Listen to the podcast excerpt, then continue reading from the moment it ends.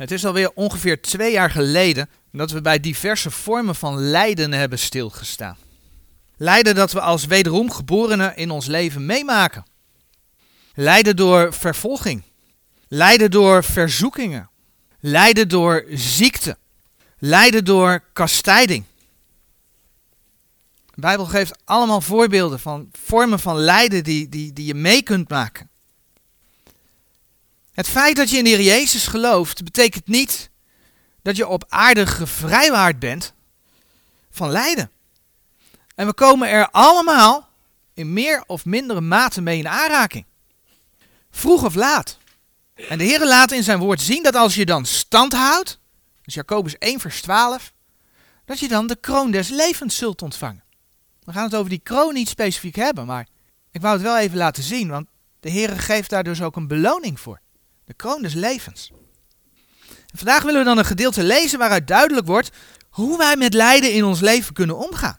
Hoe is onze houding daarin ten opzichte van de Heer, maar ook ten opzichte van onze medemens, broeders en zusters. Geeft de Heer daarin ook beloftes? Nou, laten we allereerst die versen in 1 Petrus 5 gaan lezen. Vanaf vers 5. Desgelijks gij jongen zijt de oude onderdanig en zijt alle elkander onderdanig. Zijt met de ootmoedigheid bekleed, want God wederstaat de hoogvaardige, maar de nederige geeft hij genade. Vernedert u dan onder de krachtige hand Gods, opdat hij u verhogen te zijner tijd. Werpt al uw bekommernis op hem, want hij zorgt voor u. Zijt nuchter en waakt, want uw tegenpartij de duivel gaat om als een briesende leeuw, zoekende wie hij zou mogen verslinden. De welke wederstaat vastzijnde in het geloof, wetende dat hetzelfde lijden aan uw broederschap die in de wereld is, volbracht wordt. De God nu aller genade, die ons geroepen heeft tot zijn eeuwige heerlijkheid in Christus Jezus, nadat wij een weinig tijd zullen geleden hebben, dezelfde volmaken, bevestigen, versterken en funderen uw lieden. Hem zij de heerlijkheid en de kracht in alle eeuwigheid. Amen. Je zou dit gedeelte kunnen zien als een aantal vermaningen aan het eind van een brief. Zoals je ze ook bij Paulus tegenkomt. Kijk maar bijvoorbeeld in Filippenzen 4 en 1 Thessalonicense 5. Maar toch zit door deze verse een rode lijn. 1 Petrus 5 vers 6 spreekt over vernedert u. Als een mens over het algemeen iets niet makkelijk vindt, dan is dat zichzelf vernederen. 1 Petrus 5 vers 7 spreekt over uw bekommernis. Dan heb je het dus over bezorgdheid, over angst, over schrik. 1 Petrus 5 gaat eh, vers 8 gaat erover dat de duivel je zou mogen verslinden als je niet oplet. En 1 Petrus 5 vers 9 gaat over lijden. Deze versen staan in de context van het lijden. En zoals net gezegd, we komen er in deze gebroken wereld en in ons zondige lichaam allemaal mee in aanraking. Maar hoe ga je daar dan mee om? In 1 Petrus 5 vers 6 hebben we gelezen. Vernedert u dan onder de krachtige hand Gods, opdat hij u verhogen te zijner tijd. Dus de Heere die vraagt van ons, die, die roept ons op om ons te vernederen. Dat zegt hij tegen je. Hij roept je op om jezelf te vernederen onder de krachtige hand Gods. Afgelopen week, vorige week zondag, zagen we nog dat de Heer alle dingen in zijn handen heeft. Dat geldt voor het wereldtoneel. Maar dat geldt ook voor ons persoonlijke leven. We weten bijvoorbeeld, en dan bladeren we naar Job uit het boek Job, dat de duivel niets in het leven van Job kan doen zonder dat de Heer daar toestemming voor gaf. Dat lees je bijvoorbeeld in Job 1, vers 12 en Job 2, vers 6. Ja, en dan leefde Job best een voorbeeldig leven. En toch was er iets waarom de Heere Jobs ellende toeliet. En dat had in het geval van Job te maken met ja, een vorm van hoogmoed. Job die wist dat hij het goed deed en daar vertrouwde hij op. Kijk maar in Job 13, vers 15. Wat Job daar uitspreekt. Job 13 en dan vers 15. Zie, zo hij mij doden, zou ik niet hopen. Evenwel zal ik mijn wegen voor zijn aangezicht verdedigen. En dit gaat zo ver dat Job uiteindelijk uitspreekt, en dan bladeren we door naar Job 27, vers 6. Job 27, vers 6. Aan mijn gerechtigheid zal ik vasthouden en zal ze niet laten varen. Mijn hart zal die niet versmaden van mijn dagen. Job laat zijn eigen gerechtigheid niet in gevaar brengen. Hij laat zijn hart zich niet veroordelen. Oftewel, Job vertrouwt erop dat hij het zelf allemaal wel kan. Vandaar dat Elihu in Job 35 vers 2 tegen Job kan zeggen. En Elihu is niet een van die drie vrienden die Job nou niet echt uh, op de juiste manier benaderen en daar ook door God voor terecht gewezen worden. Elihu is die andere persoon. En kijk wat Elihu dan zegt in Job 35 vers 2. Houd gij dat voor recht dat gij gezegd hebt, mijn gerechtigheid is meerder dan Gods. Wow, Job is hoogmoedig. En wanneer dat breekt, dan lees je in het geval van Job dat zijn ellende voorbij is. Wanneer de Heer tegen Job spreekt en zijn almacht toont, dan eindigt hij met de woorden in Job 39, vers 35. Dus God die tegen, tegen Job spreekt. Is het twisten met de Almachtige onderrichten wie God bestraft, die antwoorden daarop. Kan Job God onderwijzen hoe hij alles gemaakt heeft? Kan Job God onderrichten? Of, en dat ligt daarin besloten, want de Heer spreekt over twisten. Kan Job God overtuigen van het feit dat, of van het feit, nee niet van het feit, maar kan Job God overtuigen van zijn ongelijk, dat God ongelijk zou hebben? Kijk ook maar in Job 40, vers 1 en 2. En dan breekt Job. Hij zegt in vers 37 en 38 van Job 39. Toen antwoordde Job de Heer en zeide, zie ik ben te gering. Zie ik ben te gering. Wat zou ik u antwoorden? Ik leg mijn hand op mijn mond. Die man die overal een antwoord op had. En die wist hoe goed hij het deed. En die zijn wegen tegenover God zou rechtvaardigen, zou verdedigen. Die spreekt hier uit: Zie, ik ben te gering. Wat zou ik u antwoorden? Ik leg mijn hand op mijn mond. Eenmaal heb ik gesproken, maar zal niet antwoorden. Of tweemaal, maar zal niet voortvaren. Job durft niet meer, hij kan niet meer. Hij heeft eindelijk door wie de meerdere is. En nadat de Heere Job dan nog een aantal vragen stelt, zegt Job in Job 42, vers 2 tot en met 6. Ik weet dat gij alles vermoogt en dat geen van uw gedachten kan afgesneden worden. Wie is hij, zegt gij, die de raad verbergt zonder wetenschap? Zo heb ik dan verhaald hetgeen ik niet verstond. Dingen die voor mij te wonderbaarlijk waren, die ik niet wist. Hoor toch, en ik zal spreken. Ik zal u vragen en onderricht gij mij. Met het gehoor des oors heb ik u gehoord. Maar nu ziet u mijn oog. Daarom verfoei ik mij. En ik heb berouw in stof en as. Dat is nederigheid. 1 Petrus 5 vers 6. Dat is nederigheid onder de krachtige hand Gods. Want Job zegt nu, ik zal u vragen. Leert u mij. En hij heeft berouw in stof en as. En dan lees je na dat alles in, in, de, in de rest van Job 42 hoe Job verhoogd wordt. 1 Petrus 5 vers 6 zegt, vernedert u dan onder de krachtige hand Gods, opdat Hij u verhogen te zijner tijd. Dus de Heer belooft verhoging. Als we terugbladeren naar Genesis, te beginnen bij Genesis 37 en aan het leven van Jozef denken, dan is Jozef door een diep dal gegaan. Jozef die werd door zijn broers van zijn kleding beroofd, in een put geworpen en uiteindelijk als slaaf verkocht naar Egypte. Dat lees je allemaal in Genesis 37. Dus dan komt hij als slaaf in Egypte en dan moet hij dienen onder Potifar. En dat lijkt dan op zich goed te gaan, hè, want hij mag uh, uh, de leiding over het hele huis van Potifar hebben. Dat staat dan in Genesis 39, vers 4. Maar dan komt de vrouw van Potifar en die probeert hem te verleiden. En als Jozef dan niet toegeeft, dan zorgt zij ervoor dat Jozef in de gevangenis komt. Nou, vervolgens lijkt het dan in de gevangenis ook weer goed te gaan, want Jozef mag daar ook weer een soort van leiding geven.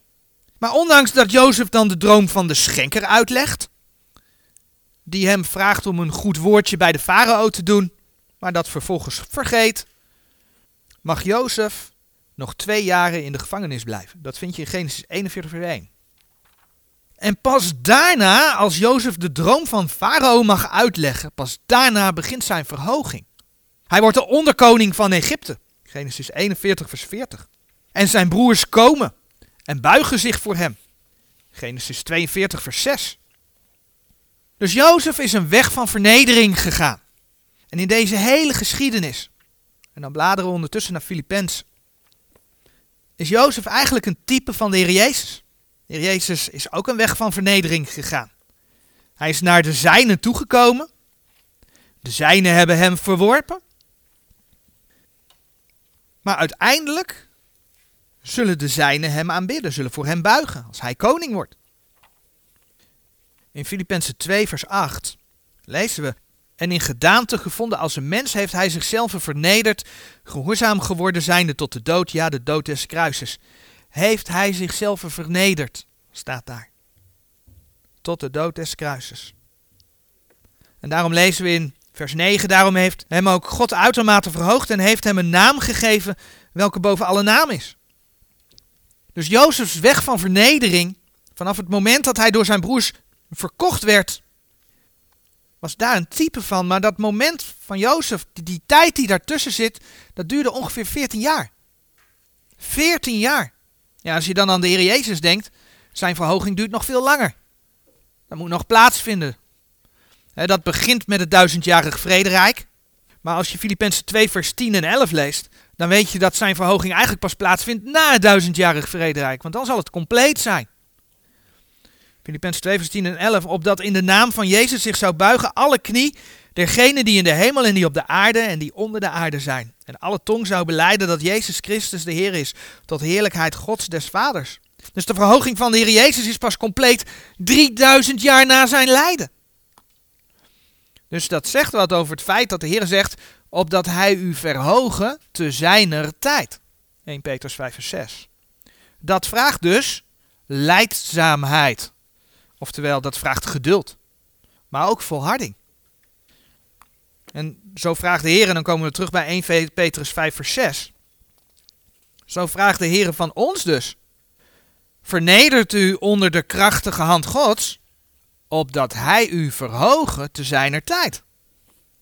Wat gebeurt er als er lijden komt? Als je zwak bent, want dat is er vaak een gevolg van, dan ben je eigenlijk heel veel met jezelf bezig of het nu jezelf treft, of het een dierbare is in je omgeving, of dat het nu je gezondheid treft, of je financiën, of je kinderen. Of vul maar een situatie in. Het doet pijn. Dit niet voor niks lijden, het doet pijn. Misschien fysiek, maar emotioneel kun je ook spreken van lijden. En dat houdt je bezig. Malen in je hoofd. Dat neemt je in beslag. En dan ben je eigenlijk alleen nog maar met jezelf bezig. En met die situatie.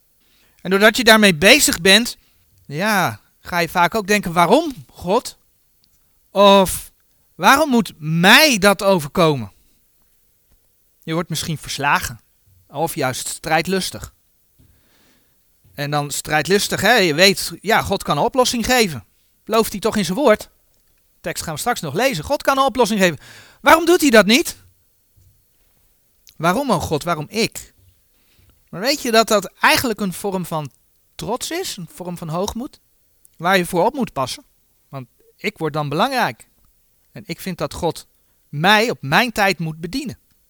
En dan lees je nogmaals in 1 Petrus 5 vers 6. Vernedert u onder de krachtige hand Gods, opdat Hij u verhogen te zijner tijd. Dus ten opzichte van de Here moeten wij ons vernederen. En als het zijn tijd is, dan geeft hij de verhoging. En ja, als het aan ons ligt, dan willen we die verhoging direct. Maar we zagen in het leven van Jozef dat hij een weg van 14 jaar van vernedering ging, voordat hij verhoogd werd. Dat hoort dus bij die vernedering.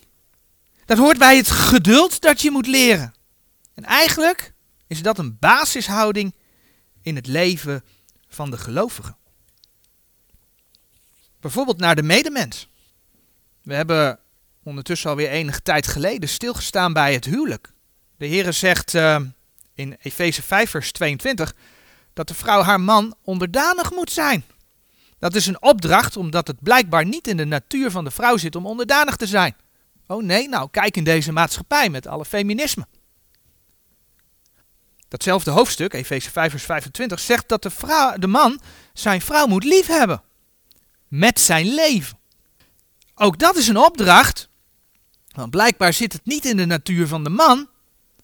En weet je waar dat eigenlijk toe leidt? Als je die twee zo bekijkt. Betekent eigenlijk dat je dus beide jezelf wegcijfert. En het vers wat ervoor staat, voor dat hoofdstuk, is Efeze 5 vers 21. En die verschijnt hier op de dia. Daar staat elkander onderdanig zijnde in de vrees gods. En zo hebben we vanmorgen 1 Petrus 5 vers 5 gelezen. Desgelijks gij jongens, zijt de oude onderdanig. Heb je dat woord weer, onderdanig. En zijt alle elkander onderdanig. Zijt met de ootmoedigheid bekleed, want God wederstaat de hoogwaardige, maar de nederige geeft hij genade. En dat is dus tussen mensen. Maar de Heer vraagt er dus zeker ook naar hem toe. En op zijn tijd komt de verhoging. En weet je, de Heer zorgt voor je. In 1 Petrus 5 vers 7, daar hebben we gelezen. Werpt al uw bekommernis op hem, want hij zorgt voor u. Als het even kan, willen we graag voor onszelf zorgen. We bouwen allerlei reserves in, ook financieel bijvoorbeeld. Misschien wel om lijden te voorkomen. Maar durven we de regie van ons leven in Gods handen te leggen?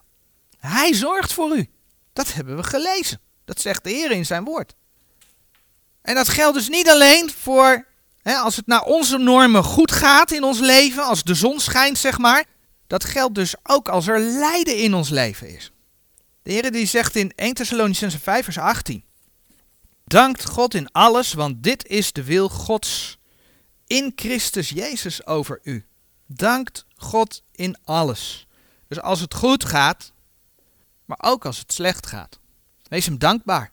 Een voorbeeld uit ons ja, eigen leven. In het begin van ons trouwen hebben wij uh, twee vroege miskramen gehad. En van beide wisten we dat we in verwachting waren. Ja, dat doet pijn. Pijn, fysiek, met name natuurlijk voor mijn vrouw. Maar ook emotioneel. En beide keren hebben we de Heer gebeden om kracht te geven. En beide keren zijn we ons gebed begonnen. En ja, dat soort dingen, dat onthoud je. Maar met dank u Heer dat u de situatie weet. U bent op de hoogte. En dat is het. Want hij heeft alle dingen in zijn handen. Ook in je persoonlijke leven. Een ander vers dat het heel mooi zegt is Filippenzen 4 vers 6.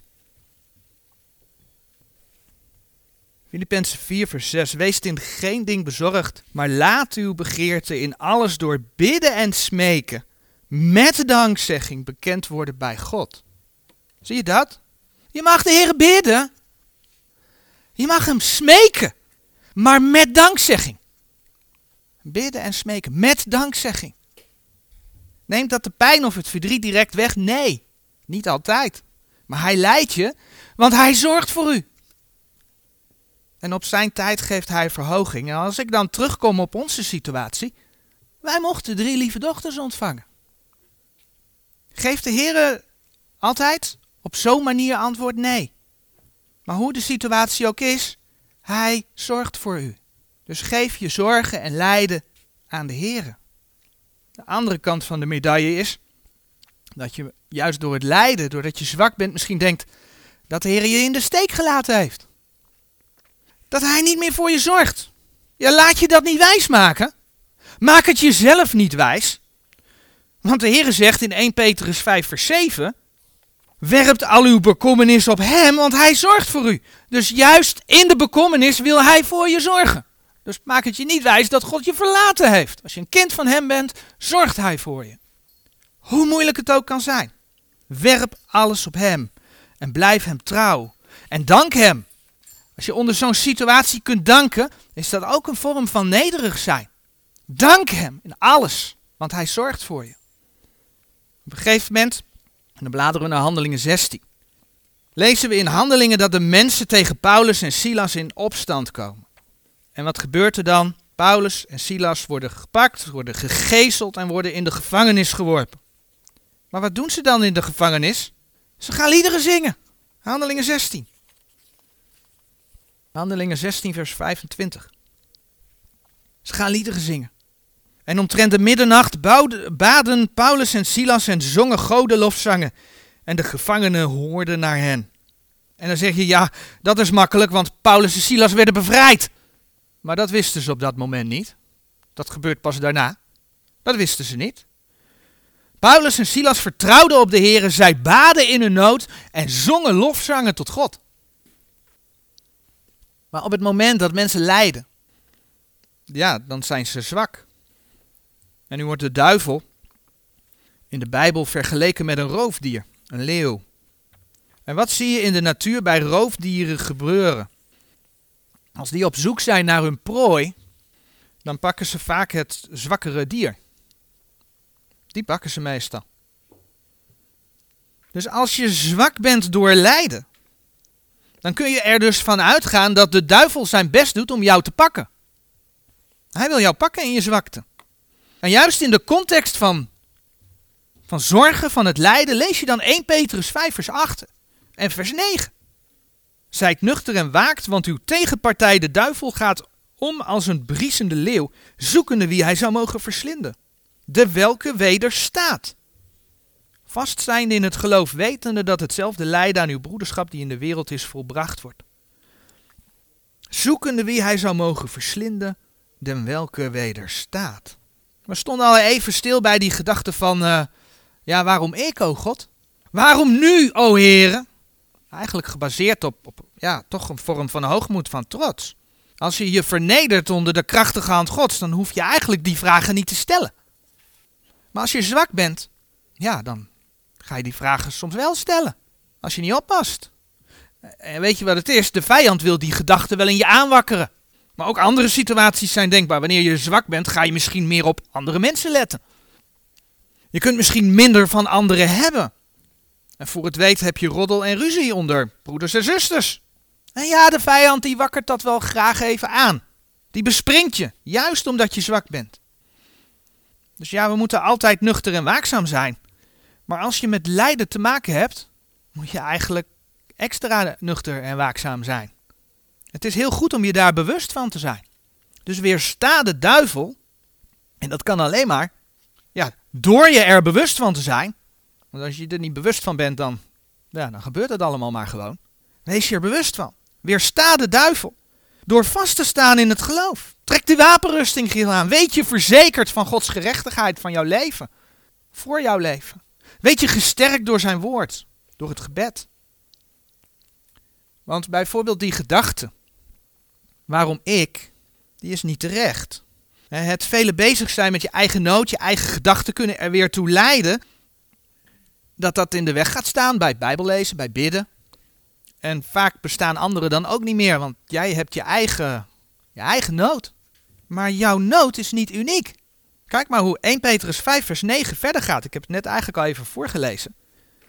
Vastzijnde in het geloof, hè, wederstaat de duivel, vastzijnde in het geloof, wetende dat hetzelfde lijden aan uw broederschap die in de wereld is volbracht wordt. Hetzelfde lijden. De duivel probeert je aan te praten dat jouw lijden een bijzondere situatie is en niemand er doorheen gegaan is. Maar de Heer laat zien dat die weg wel degelijk gebaand is. Het lijden dat je ondergaat is ook door andere broeders en zusters ondergaan. Je ziet het misschien niet in je directe omgeving. Maar er zijn andere wederomgeborenen die hetzelfde hebben meegemaakt of op dit moment hetzelfde meemaken. En natuurlijk zijn er ook mensen in de wereld die lijden. Ook in de, in de wereld zijn er mensen die hetzelfde meemaken.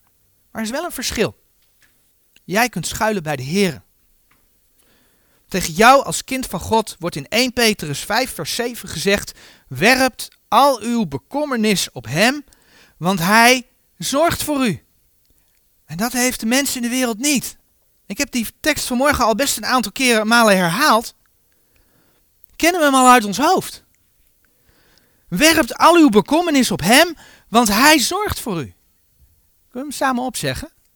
Werpt al uw bekommernis op hem, want hij zorgt voor u. 1 Petrus 5 vers 7. Nog één keer. Werpt al uw bekommernis op hem, want hij zorgt voor u. 1 Petrus 5 vers 7. En het feit dat anderen ook lijden meemaken, of mee hebben gemaakt, erover vertellen, bijvoorbeeld dat ze bevestigen dat de Heer hen er doorheen geleid heeft, daar mag je van leren.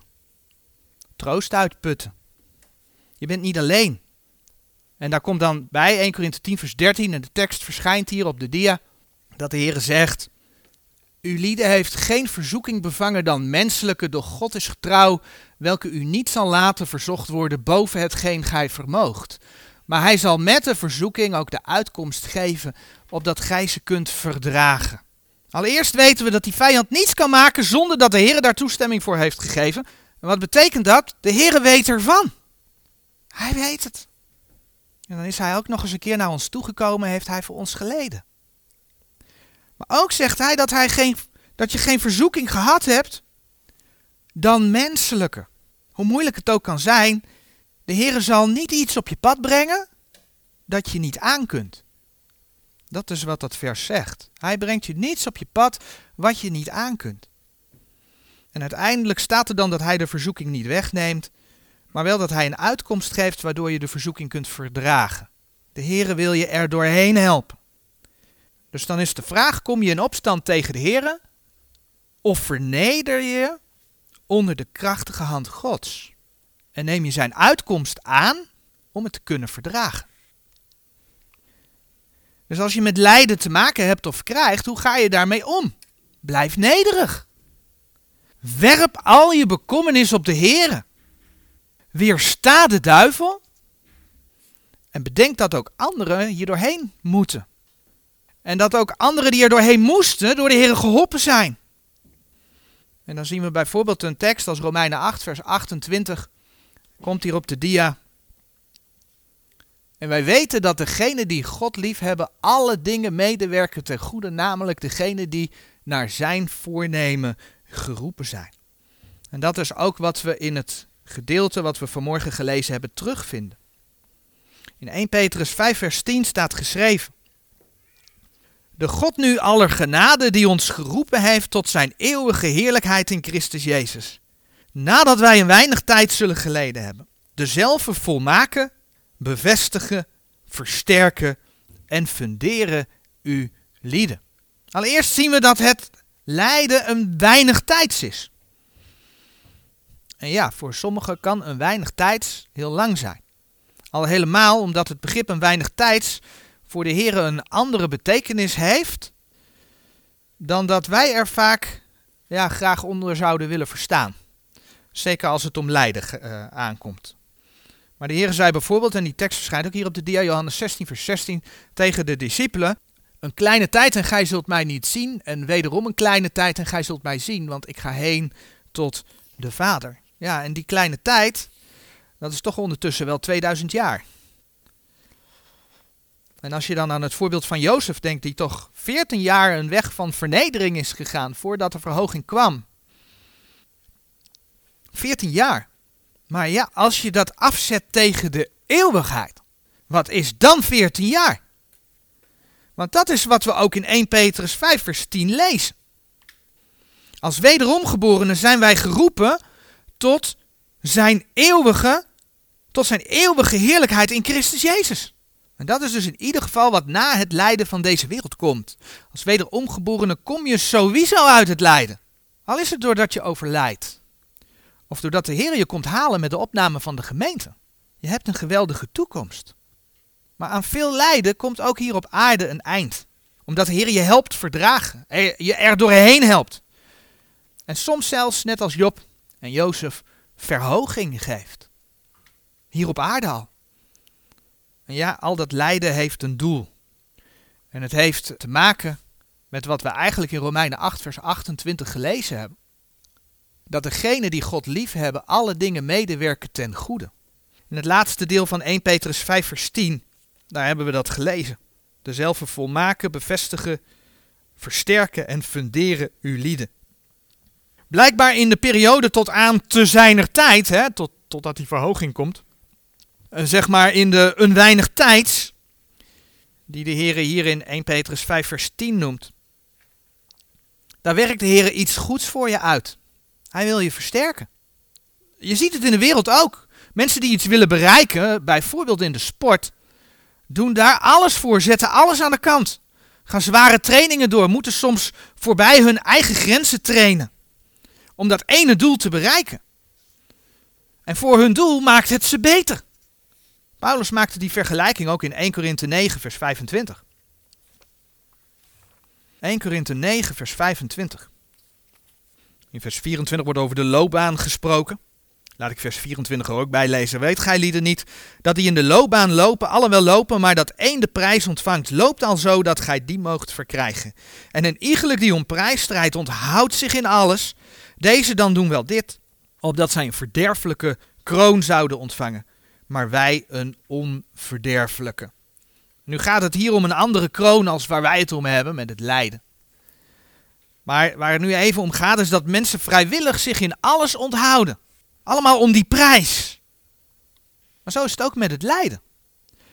Als je het verdraagt, maakt in dit geval de Heer je er sterker van. Hij volmaakt je, hij bevestigt je, hij versterkt je, hij fundeert je. Ja, en heel vaak zie je dat tijdens het lijden niet. Maar achteraf kun je bevestigen dat de Heer dat gedaan heeft. En dan zie je opeens dat er dingen gebeuren die voorheen niet gebeurden. En dat is mooi om te zien. Dan zie je opeens dat je dingen kunt die je voorheen niet kon dan zie je dat de Heer zegent. En we vinden dit alles heel mooi beschreven ook in Romeinen 5, vers 3 tot en met 5. Dat is de laatste versen die we opzoeken. Romeinen 5, vers 3 tot en met 5. Romeinen 5, vers 3. En niet alleenlijk dit, maar wij roemen ook in de verdrukkingen, wetende dat de verdrukking leidzaamheid werkt. Leidzaamheid is geduld. En de leidzaamheid bevinding. Bevinding is ervaring. En de bevinding hoop. En de hoop beschaamt niet, omdat de liefde Gods in onze harten uitgestort is door de Heilige Geest die ons is gegeven. Zien we de volgorde in deze verse. Het lijden werkt geduld. Door het geduld doen wij ervaring op. Ervaring met onze Here, die ons helpt, die ons uitkomst geeft, waardoor je kunt verdragen. En door die ervaring krijgen wij hoop. En op die manier leren wij vertrouwen op onze God. Leren wij dat Hij ook in ons persoonlijk leven alle dingen in zijn handen heeft. Alles. Maar wanneer het met geduld begint, dan zie je dus de noodzaak waar we eigenlijk deze dienst mee begonnen zijn. De noodzaak van het vernederen. Je vernederen onder de krachtige hand Gods. Want alleen dan zal hij ook verhogen. Dat is wat er in dat vers staat. En betekent dat dan ook dat alle ellende altijd overgaat? Nee, maar God helpt je, hij zorgt voor je. En je hoop is in Jezus Christus. Want de liefde Gods is in onze harten uitgestort door de Heilige Geest. Amen.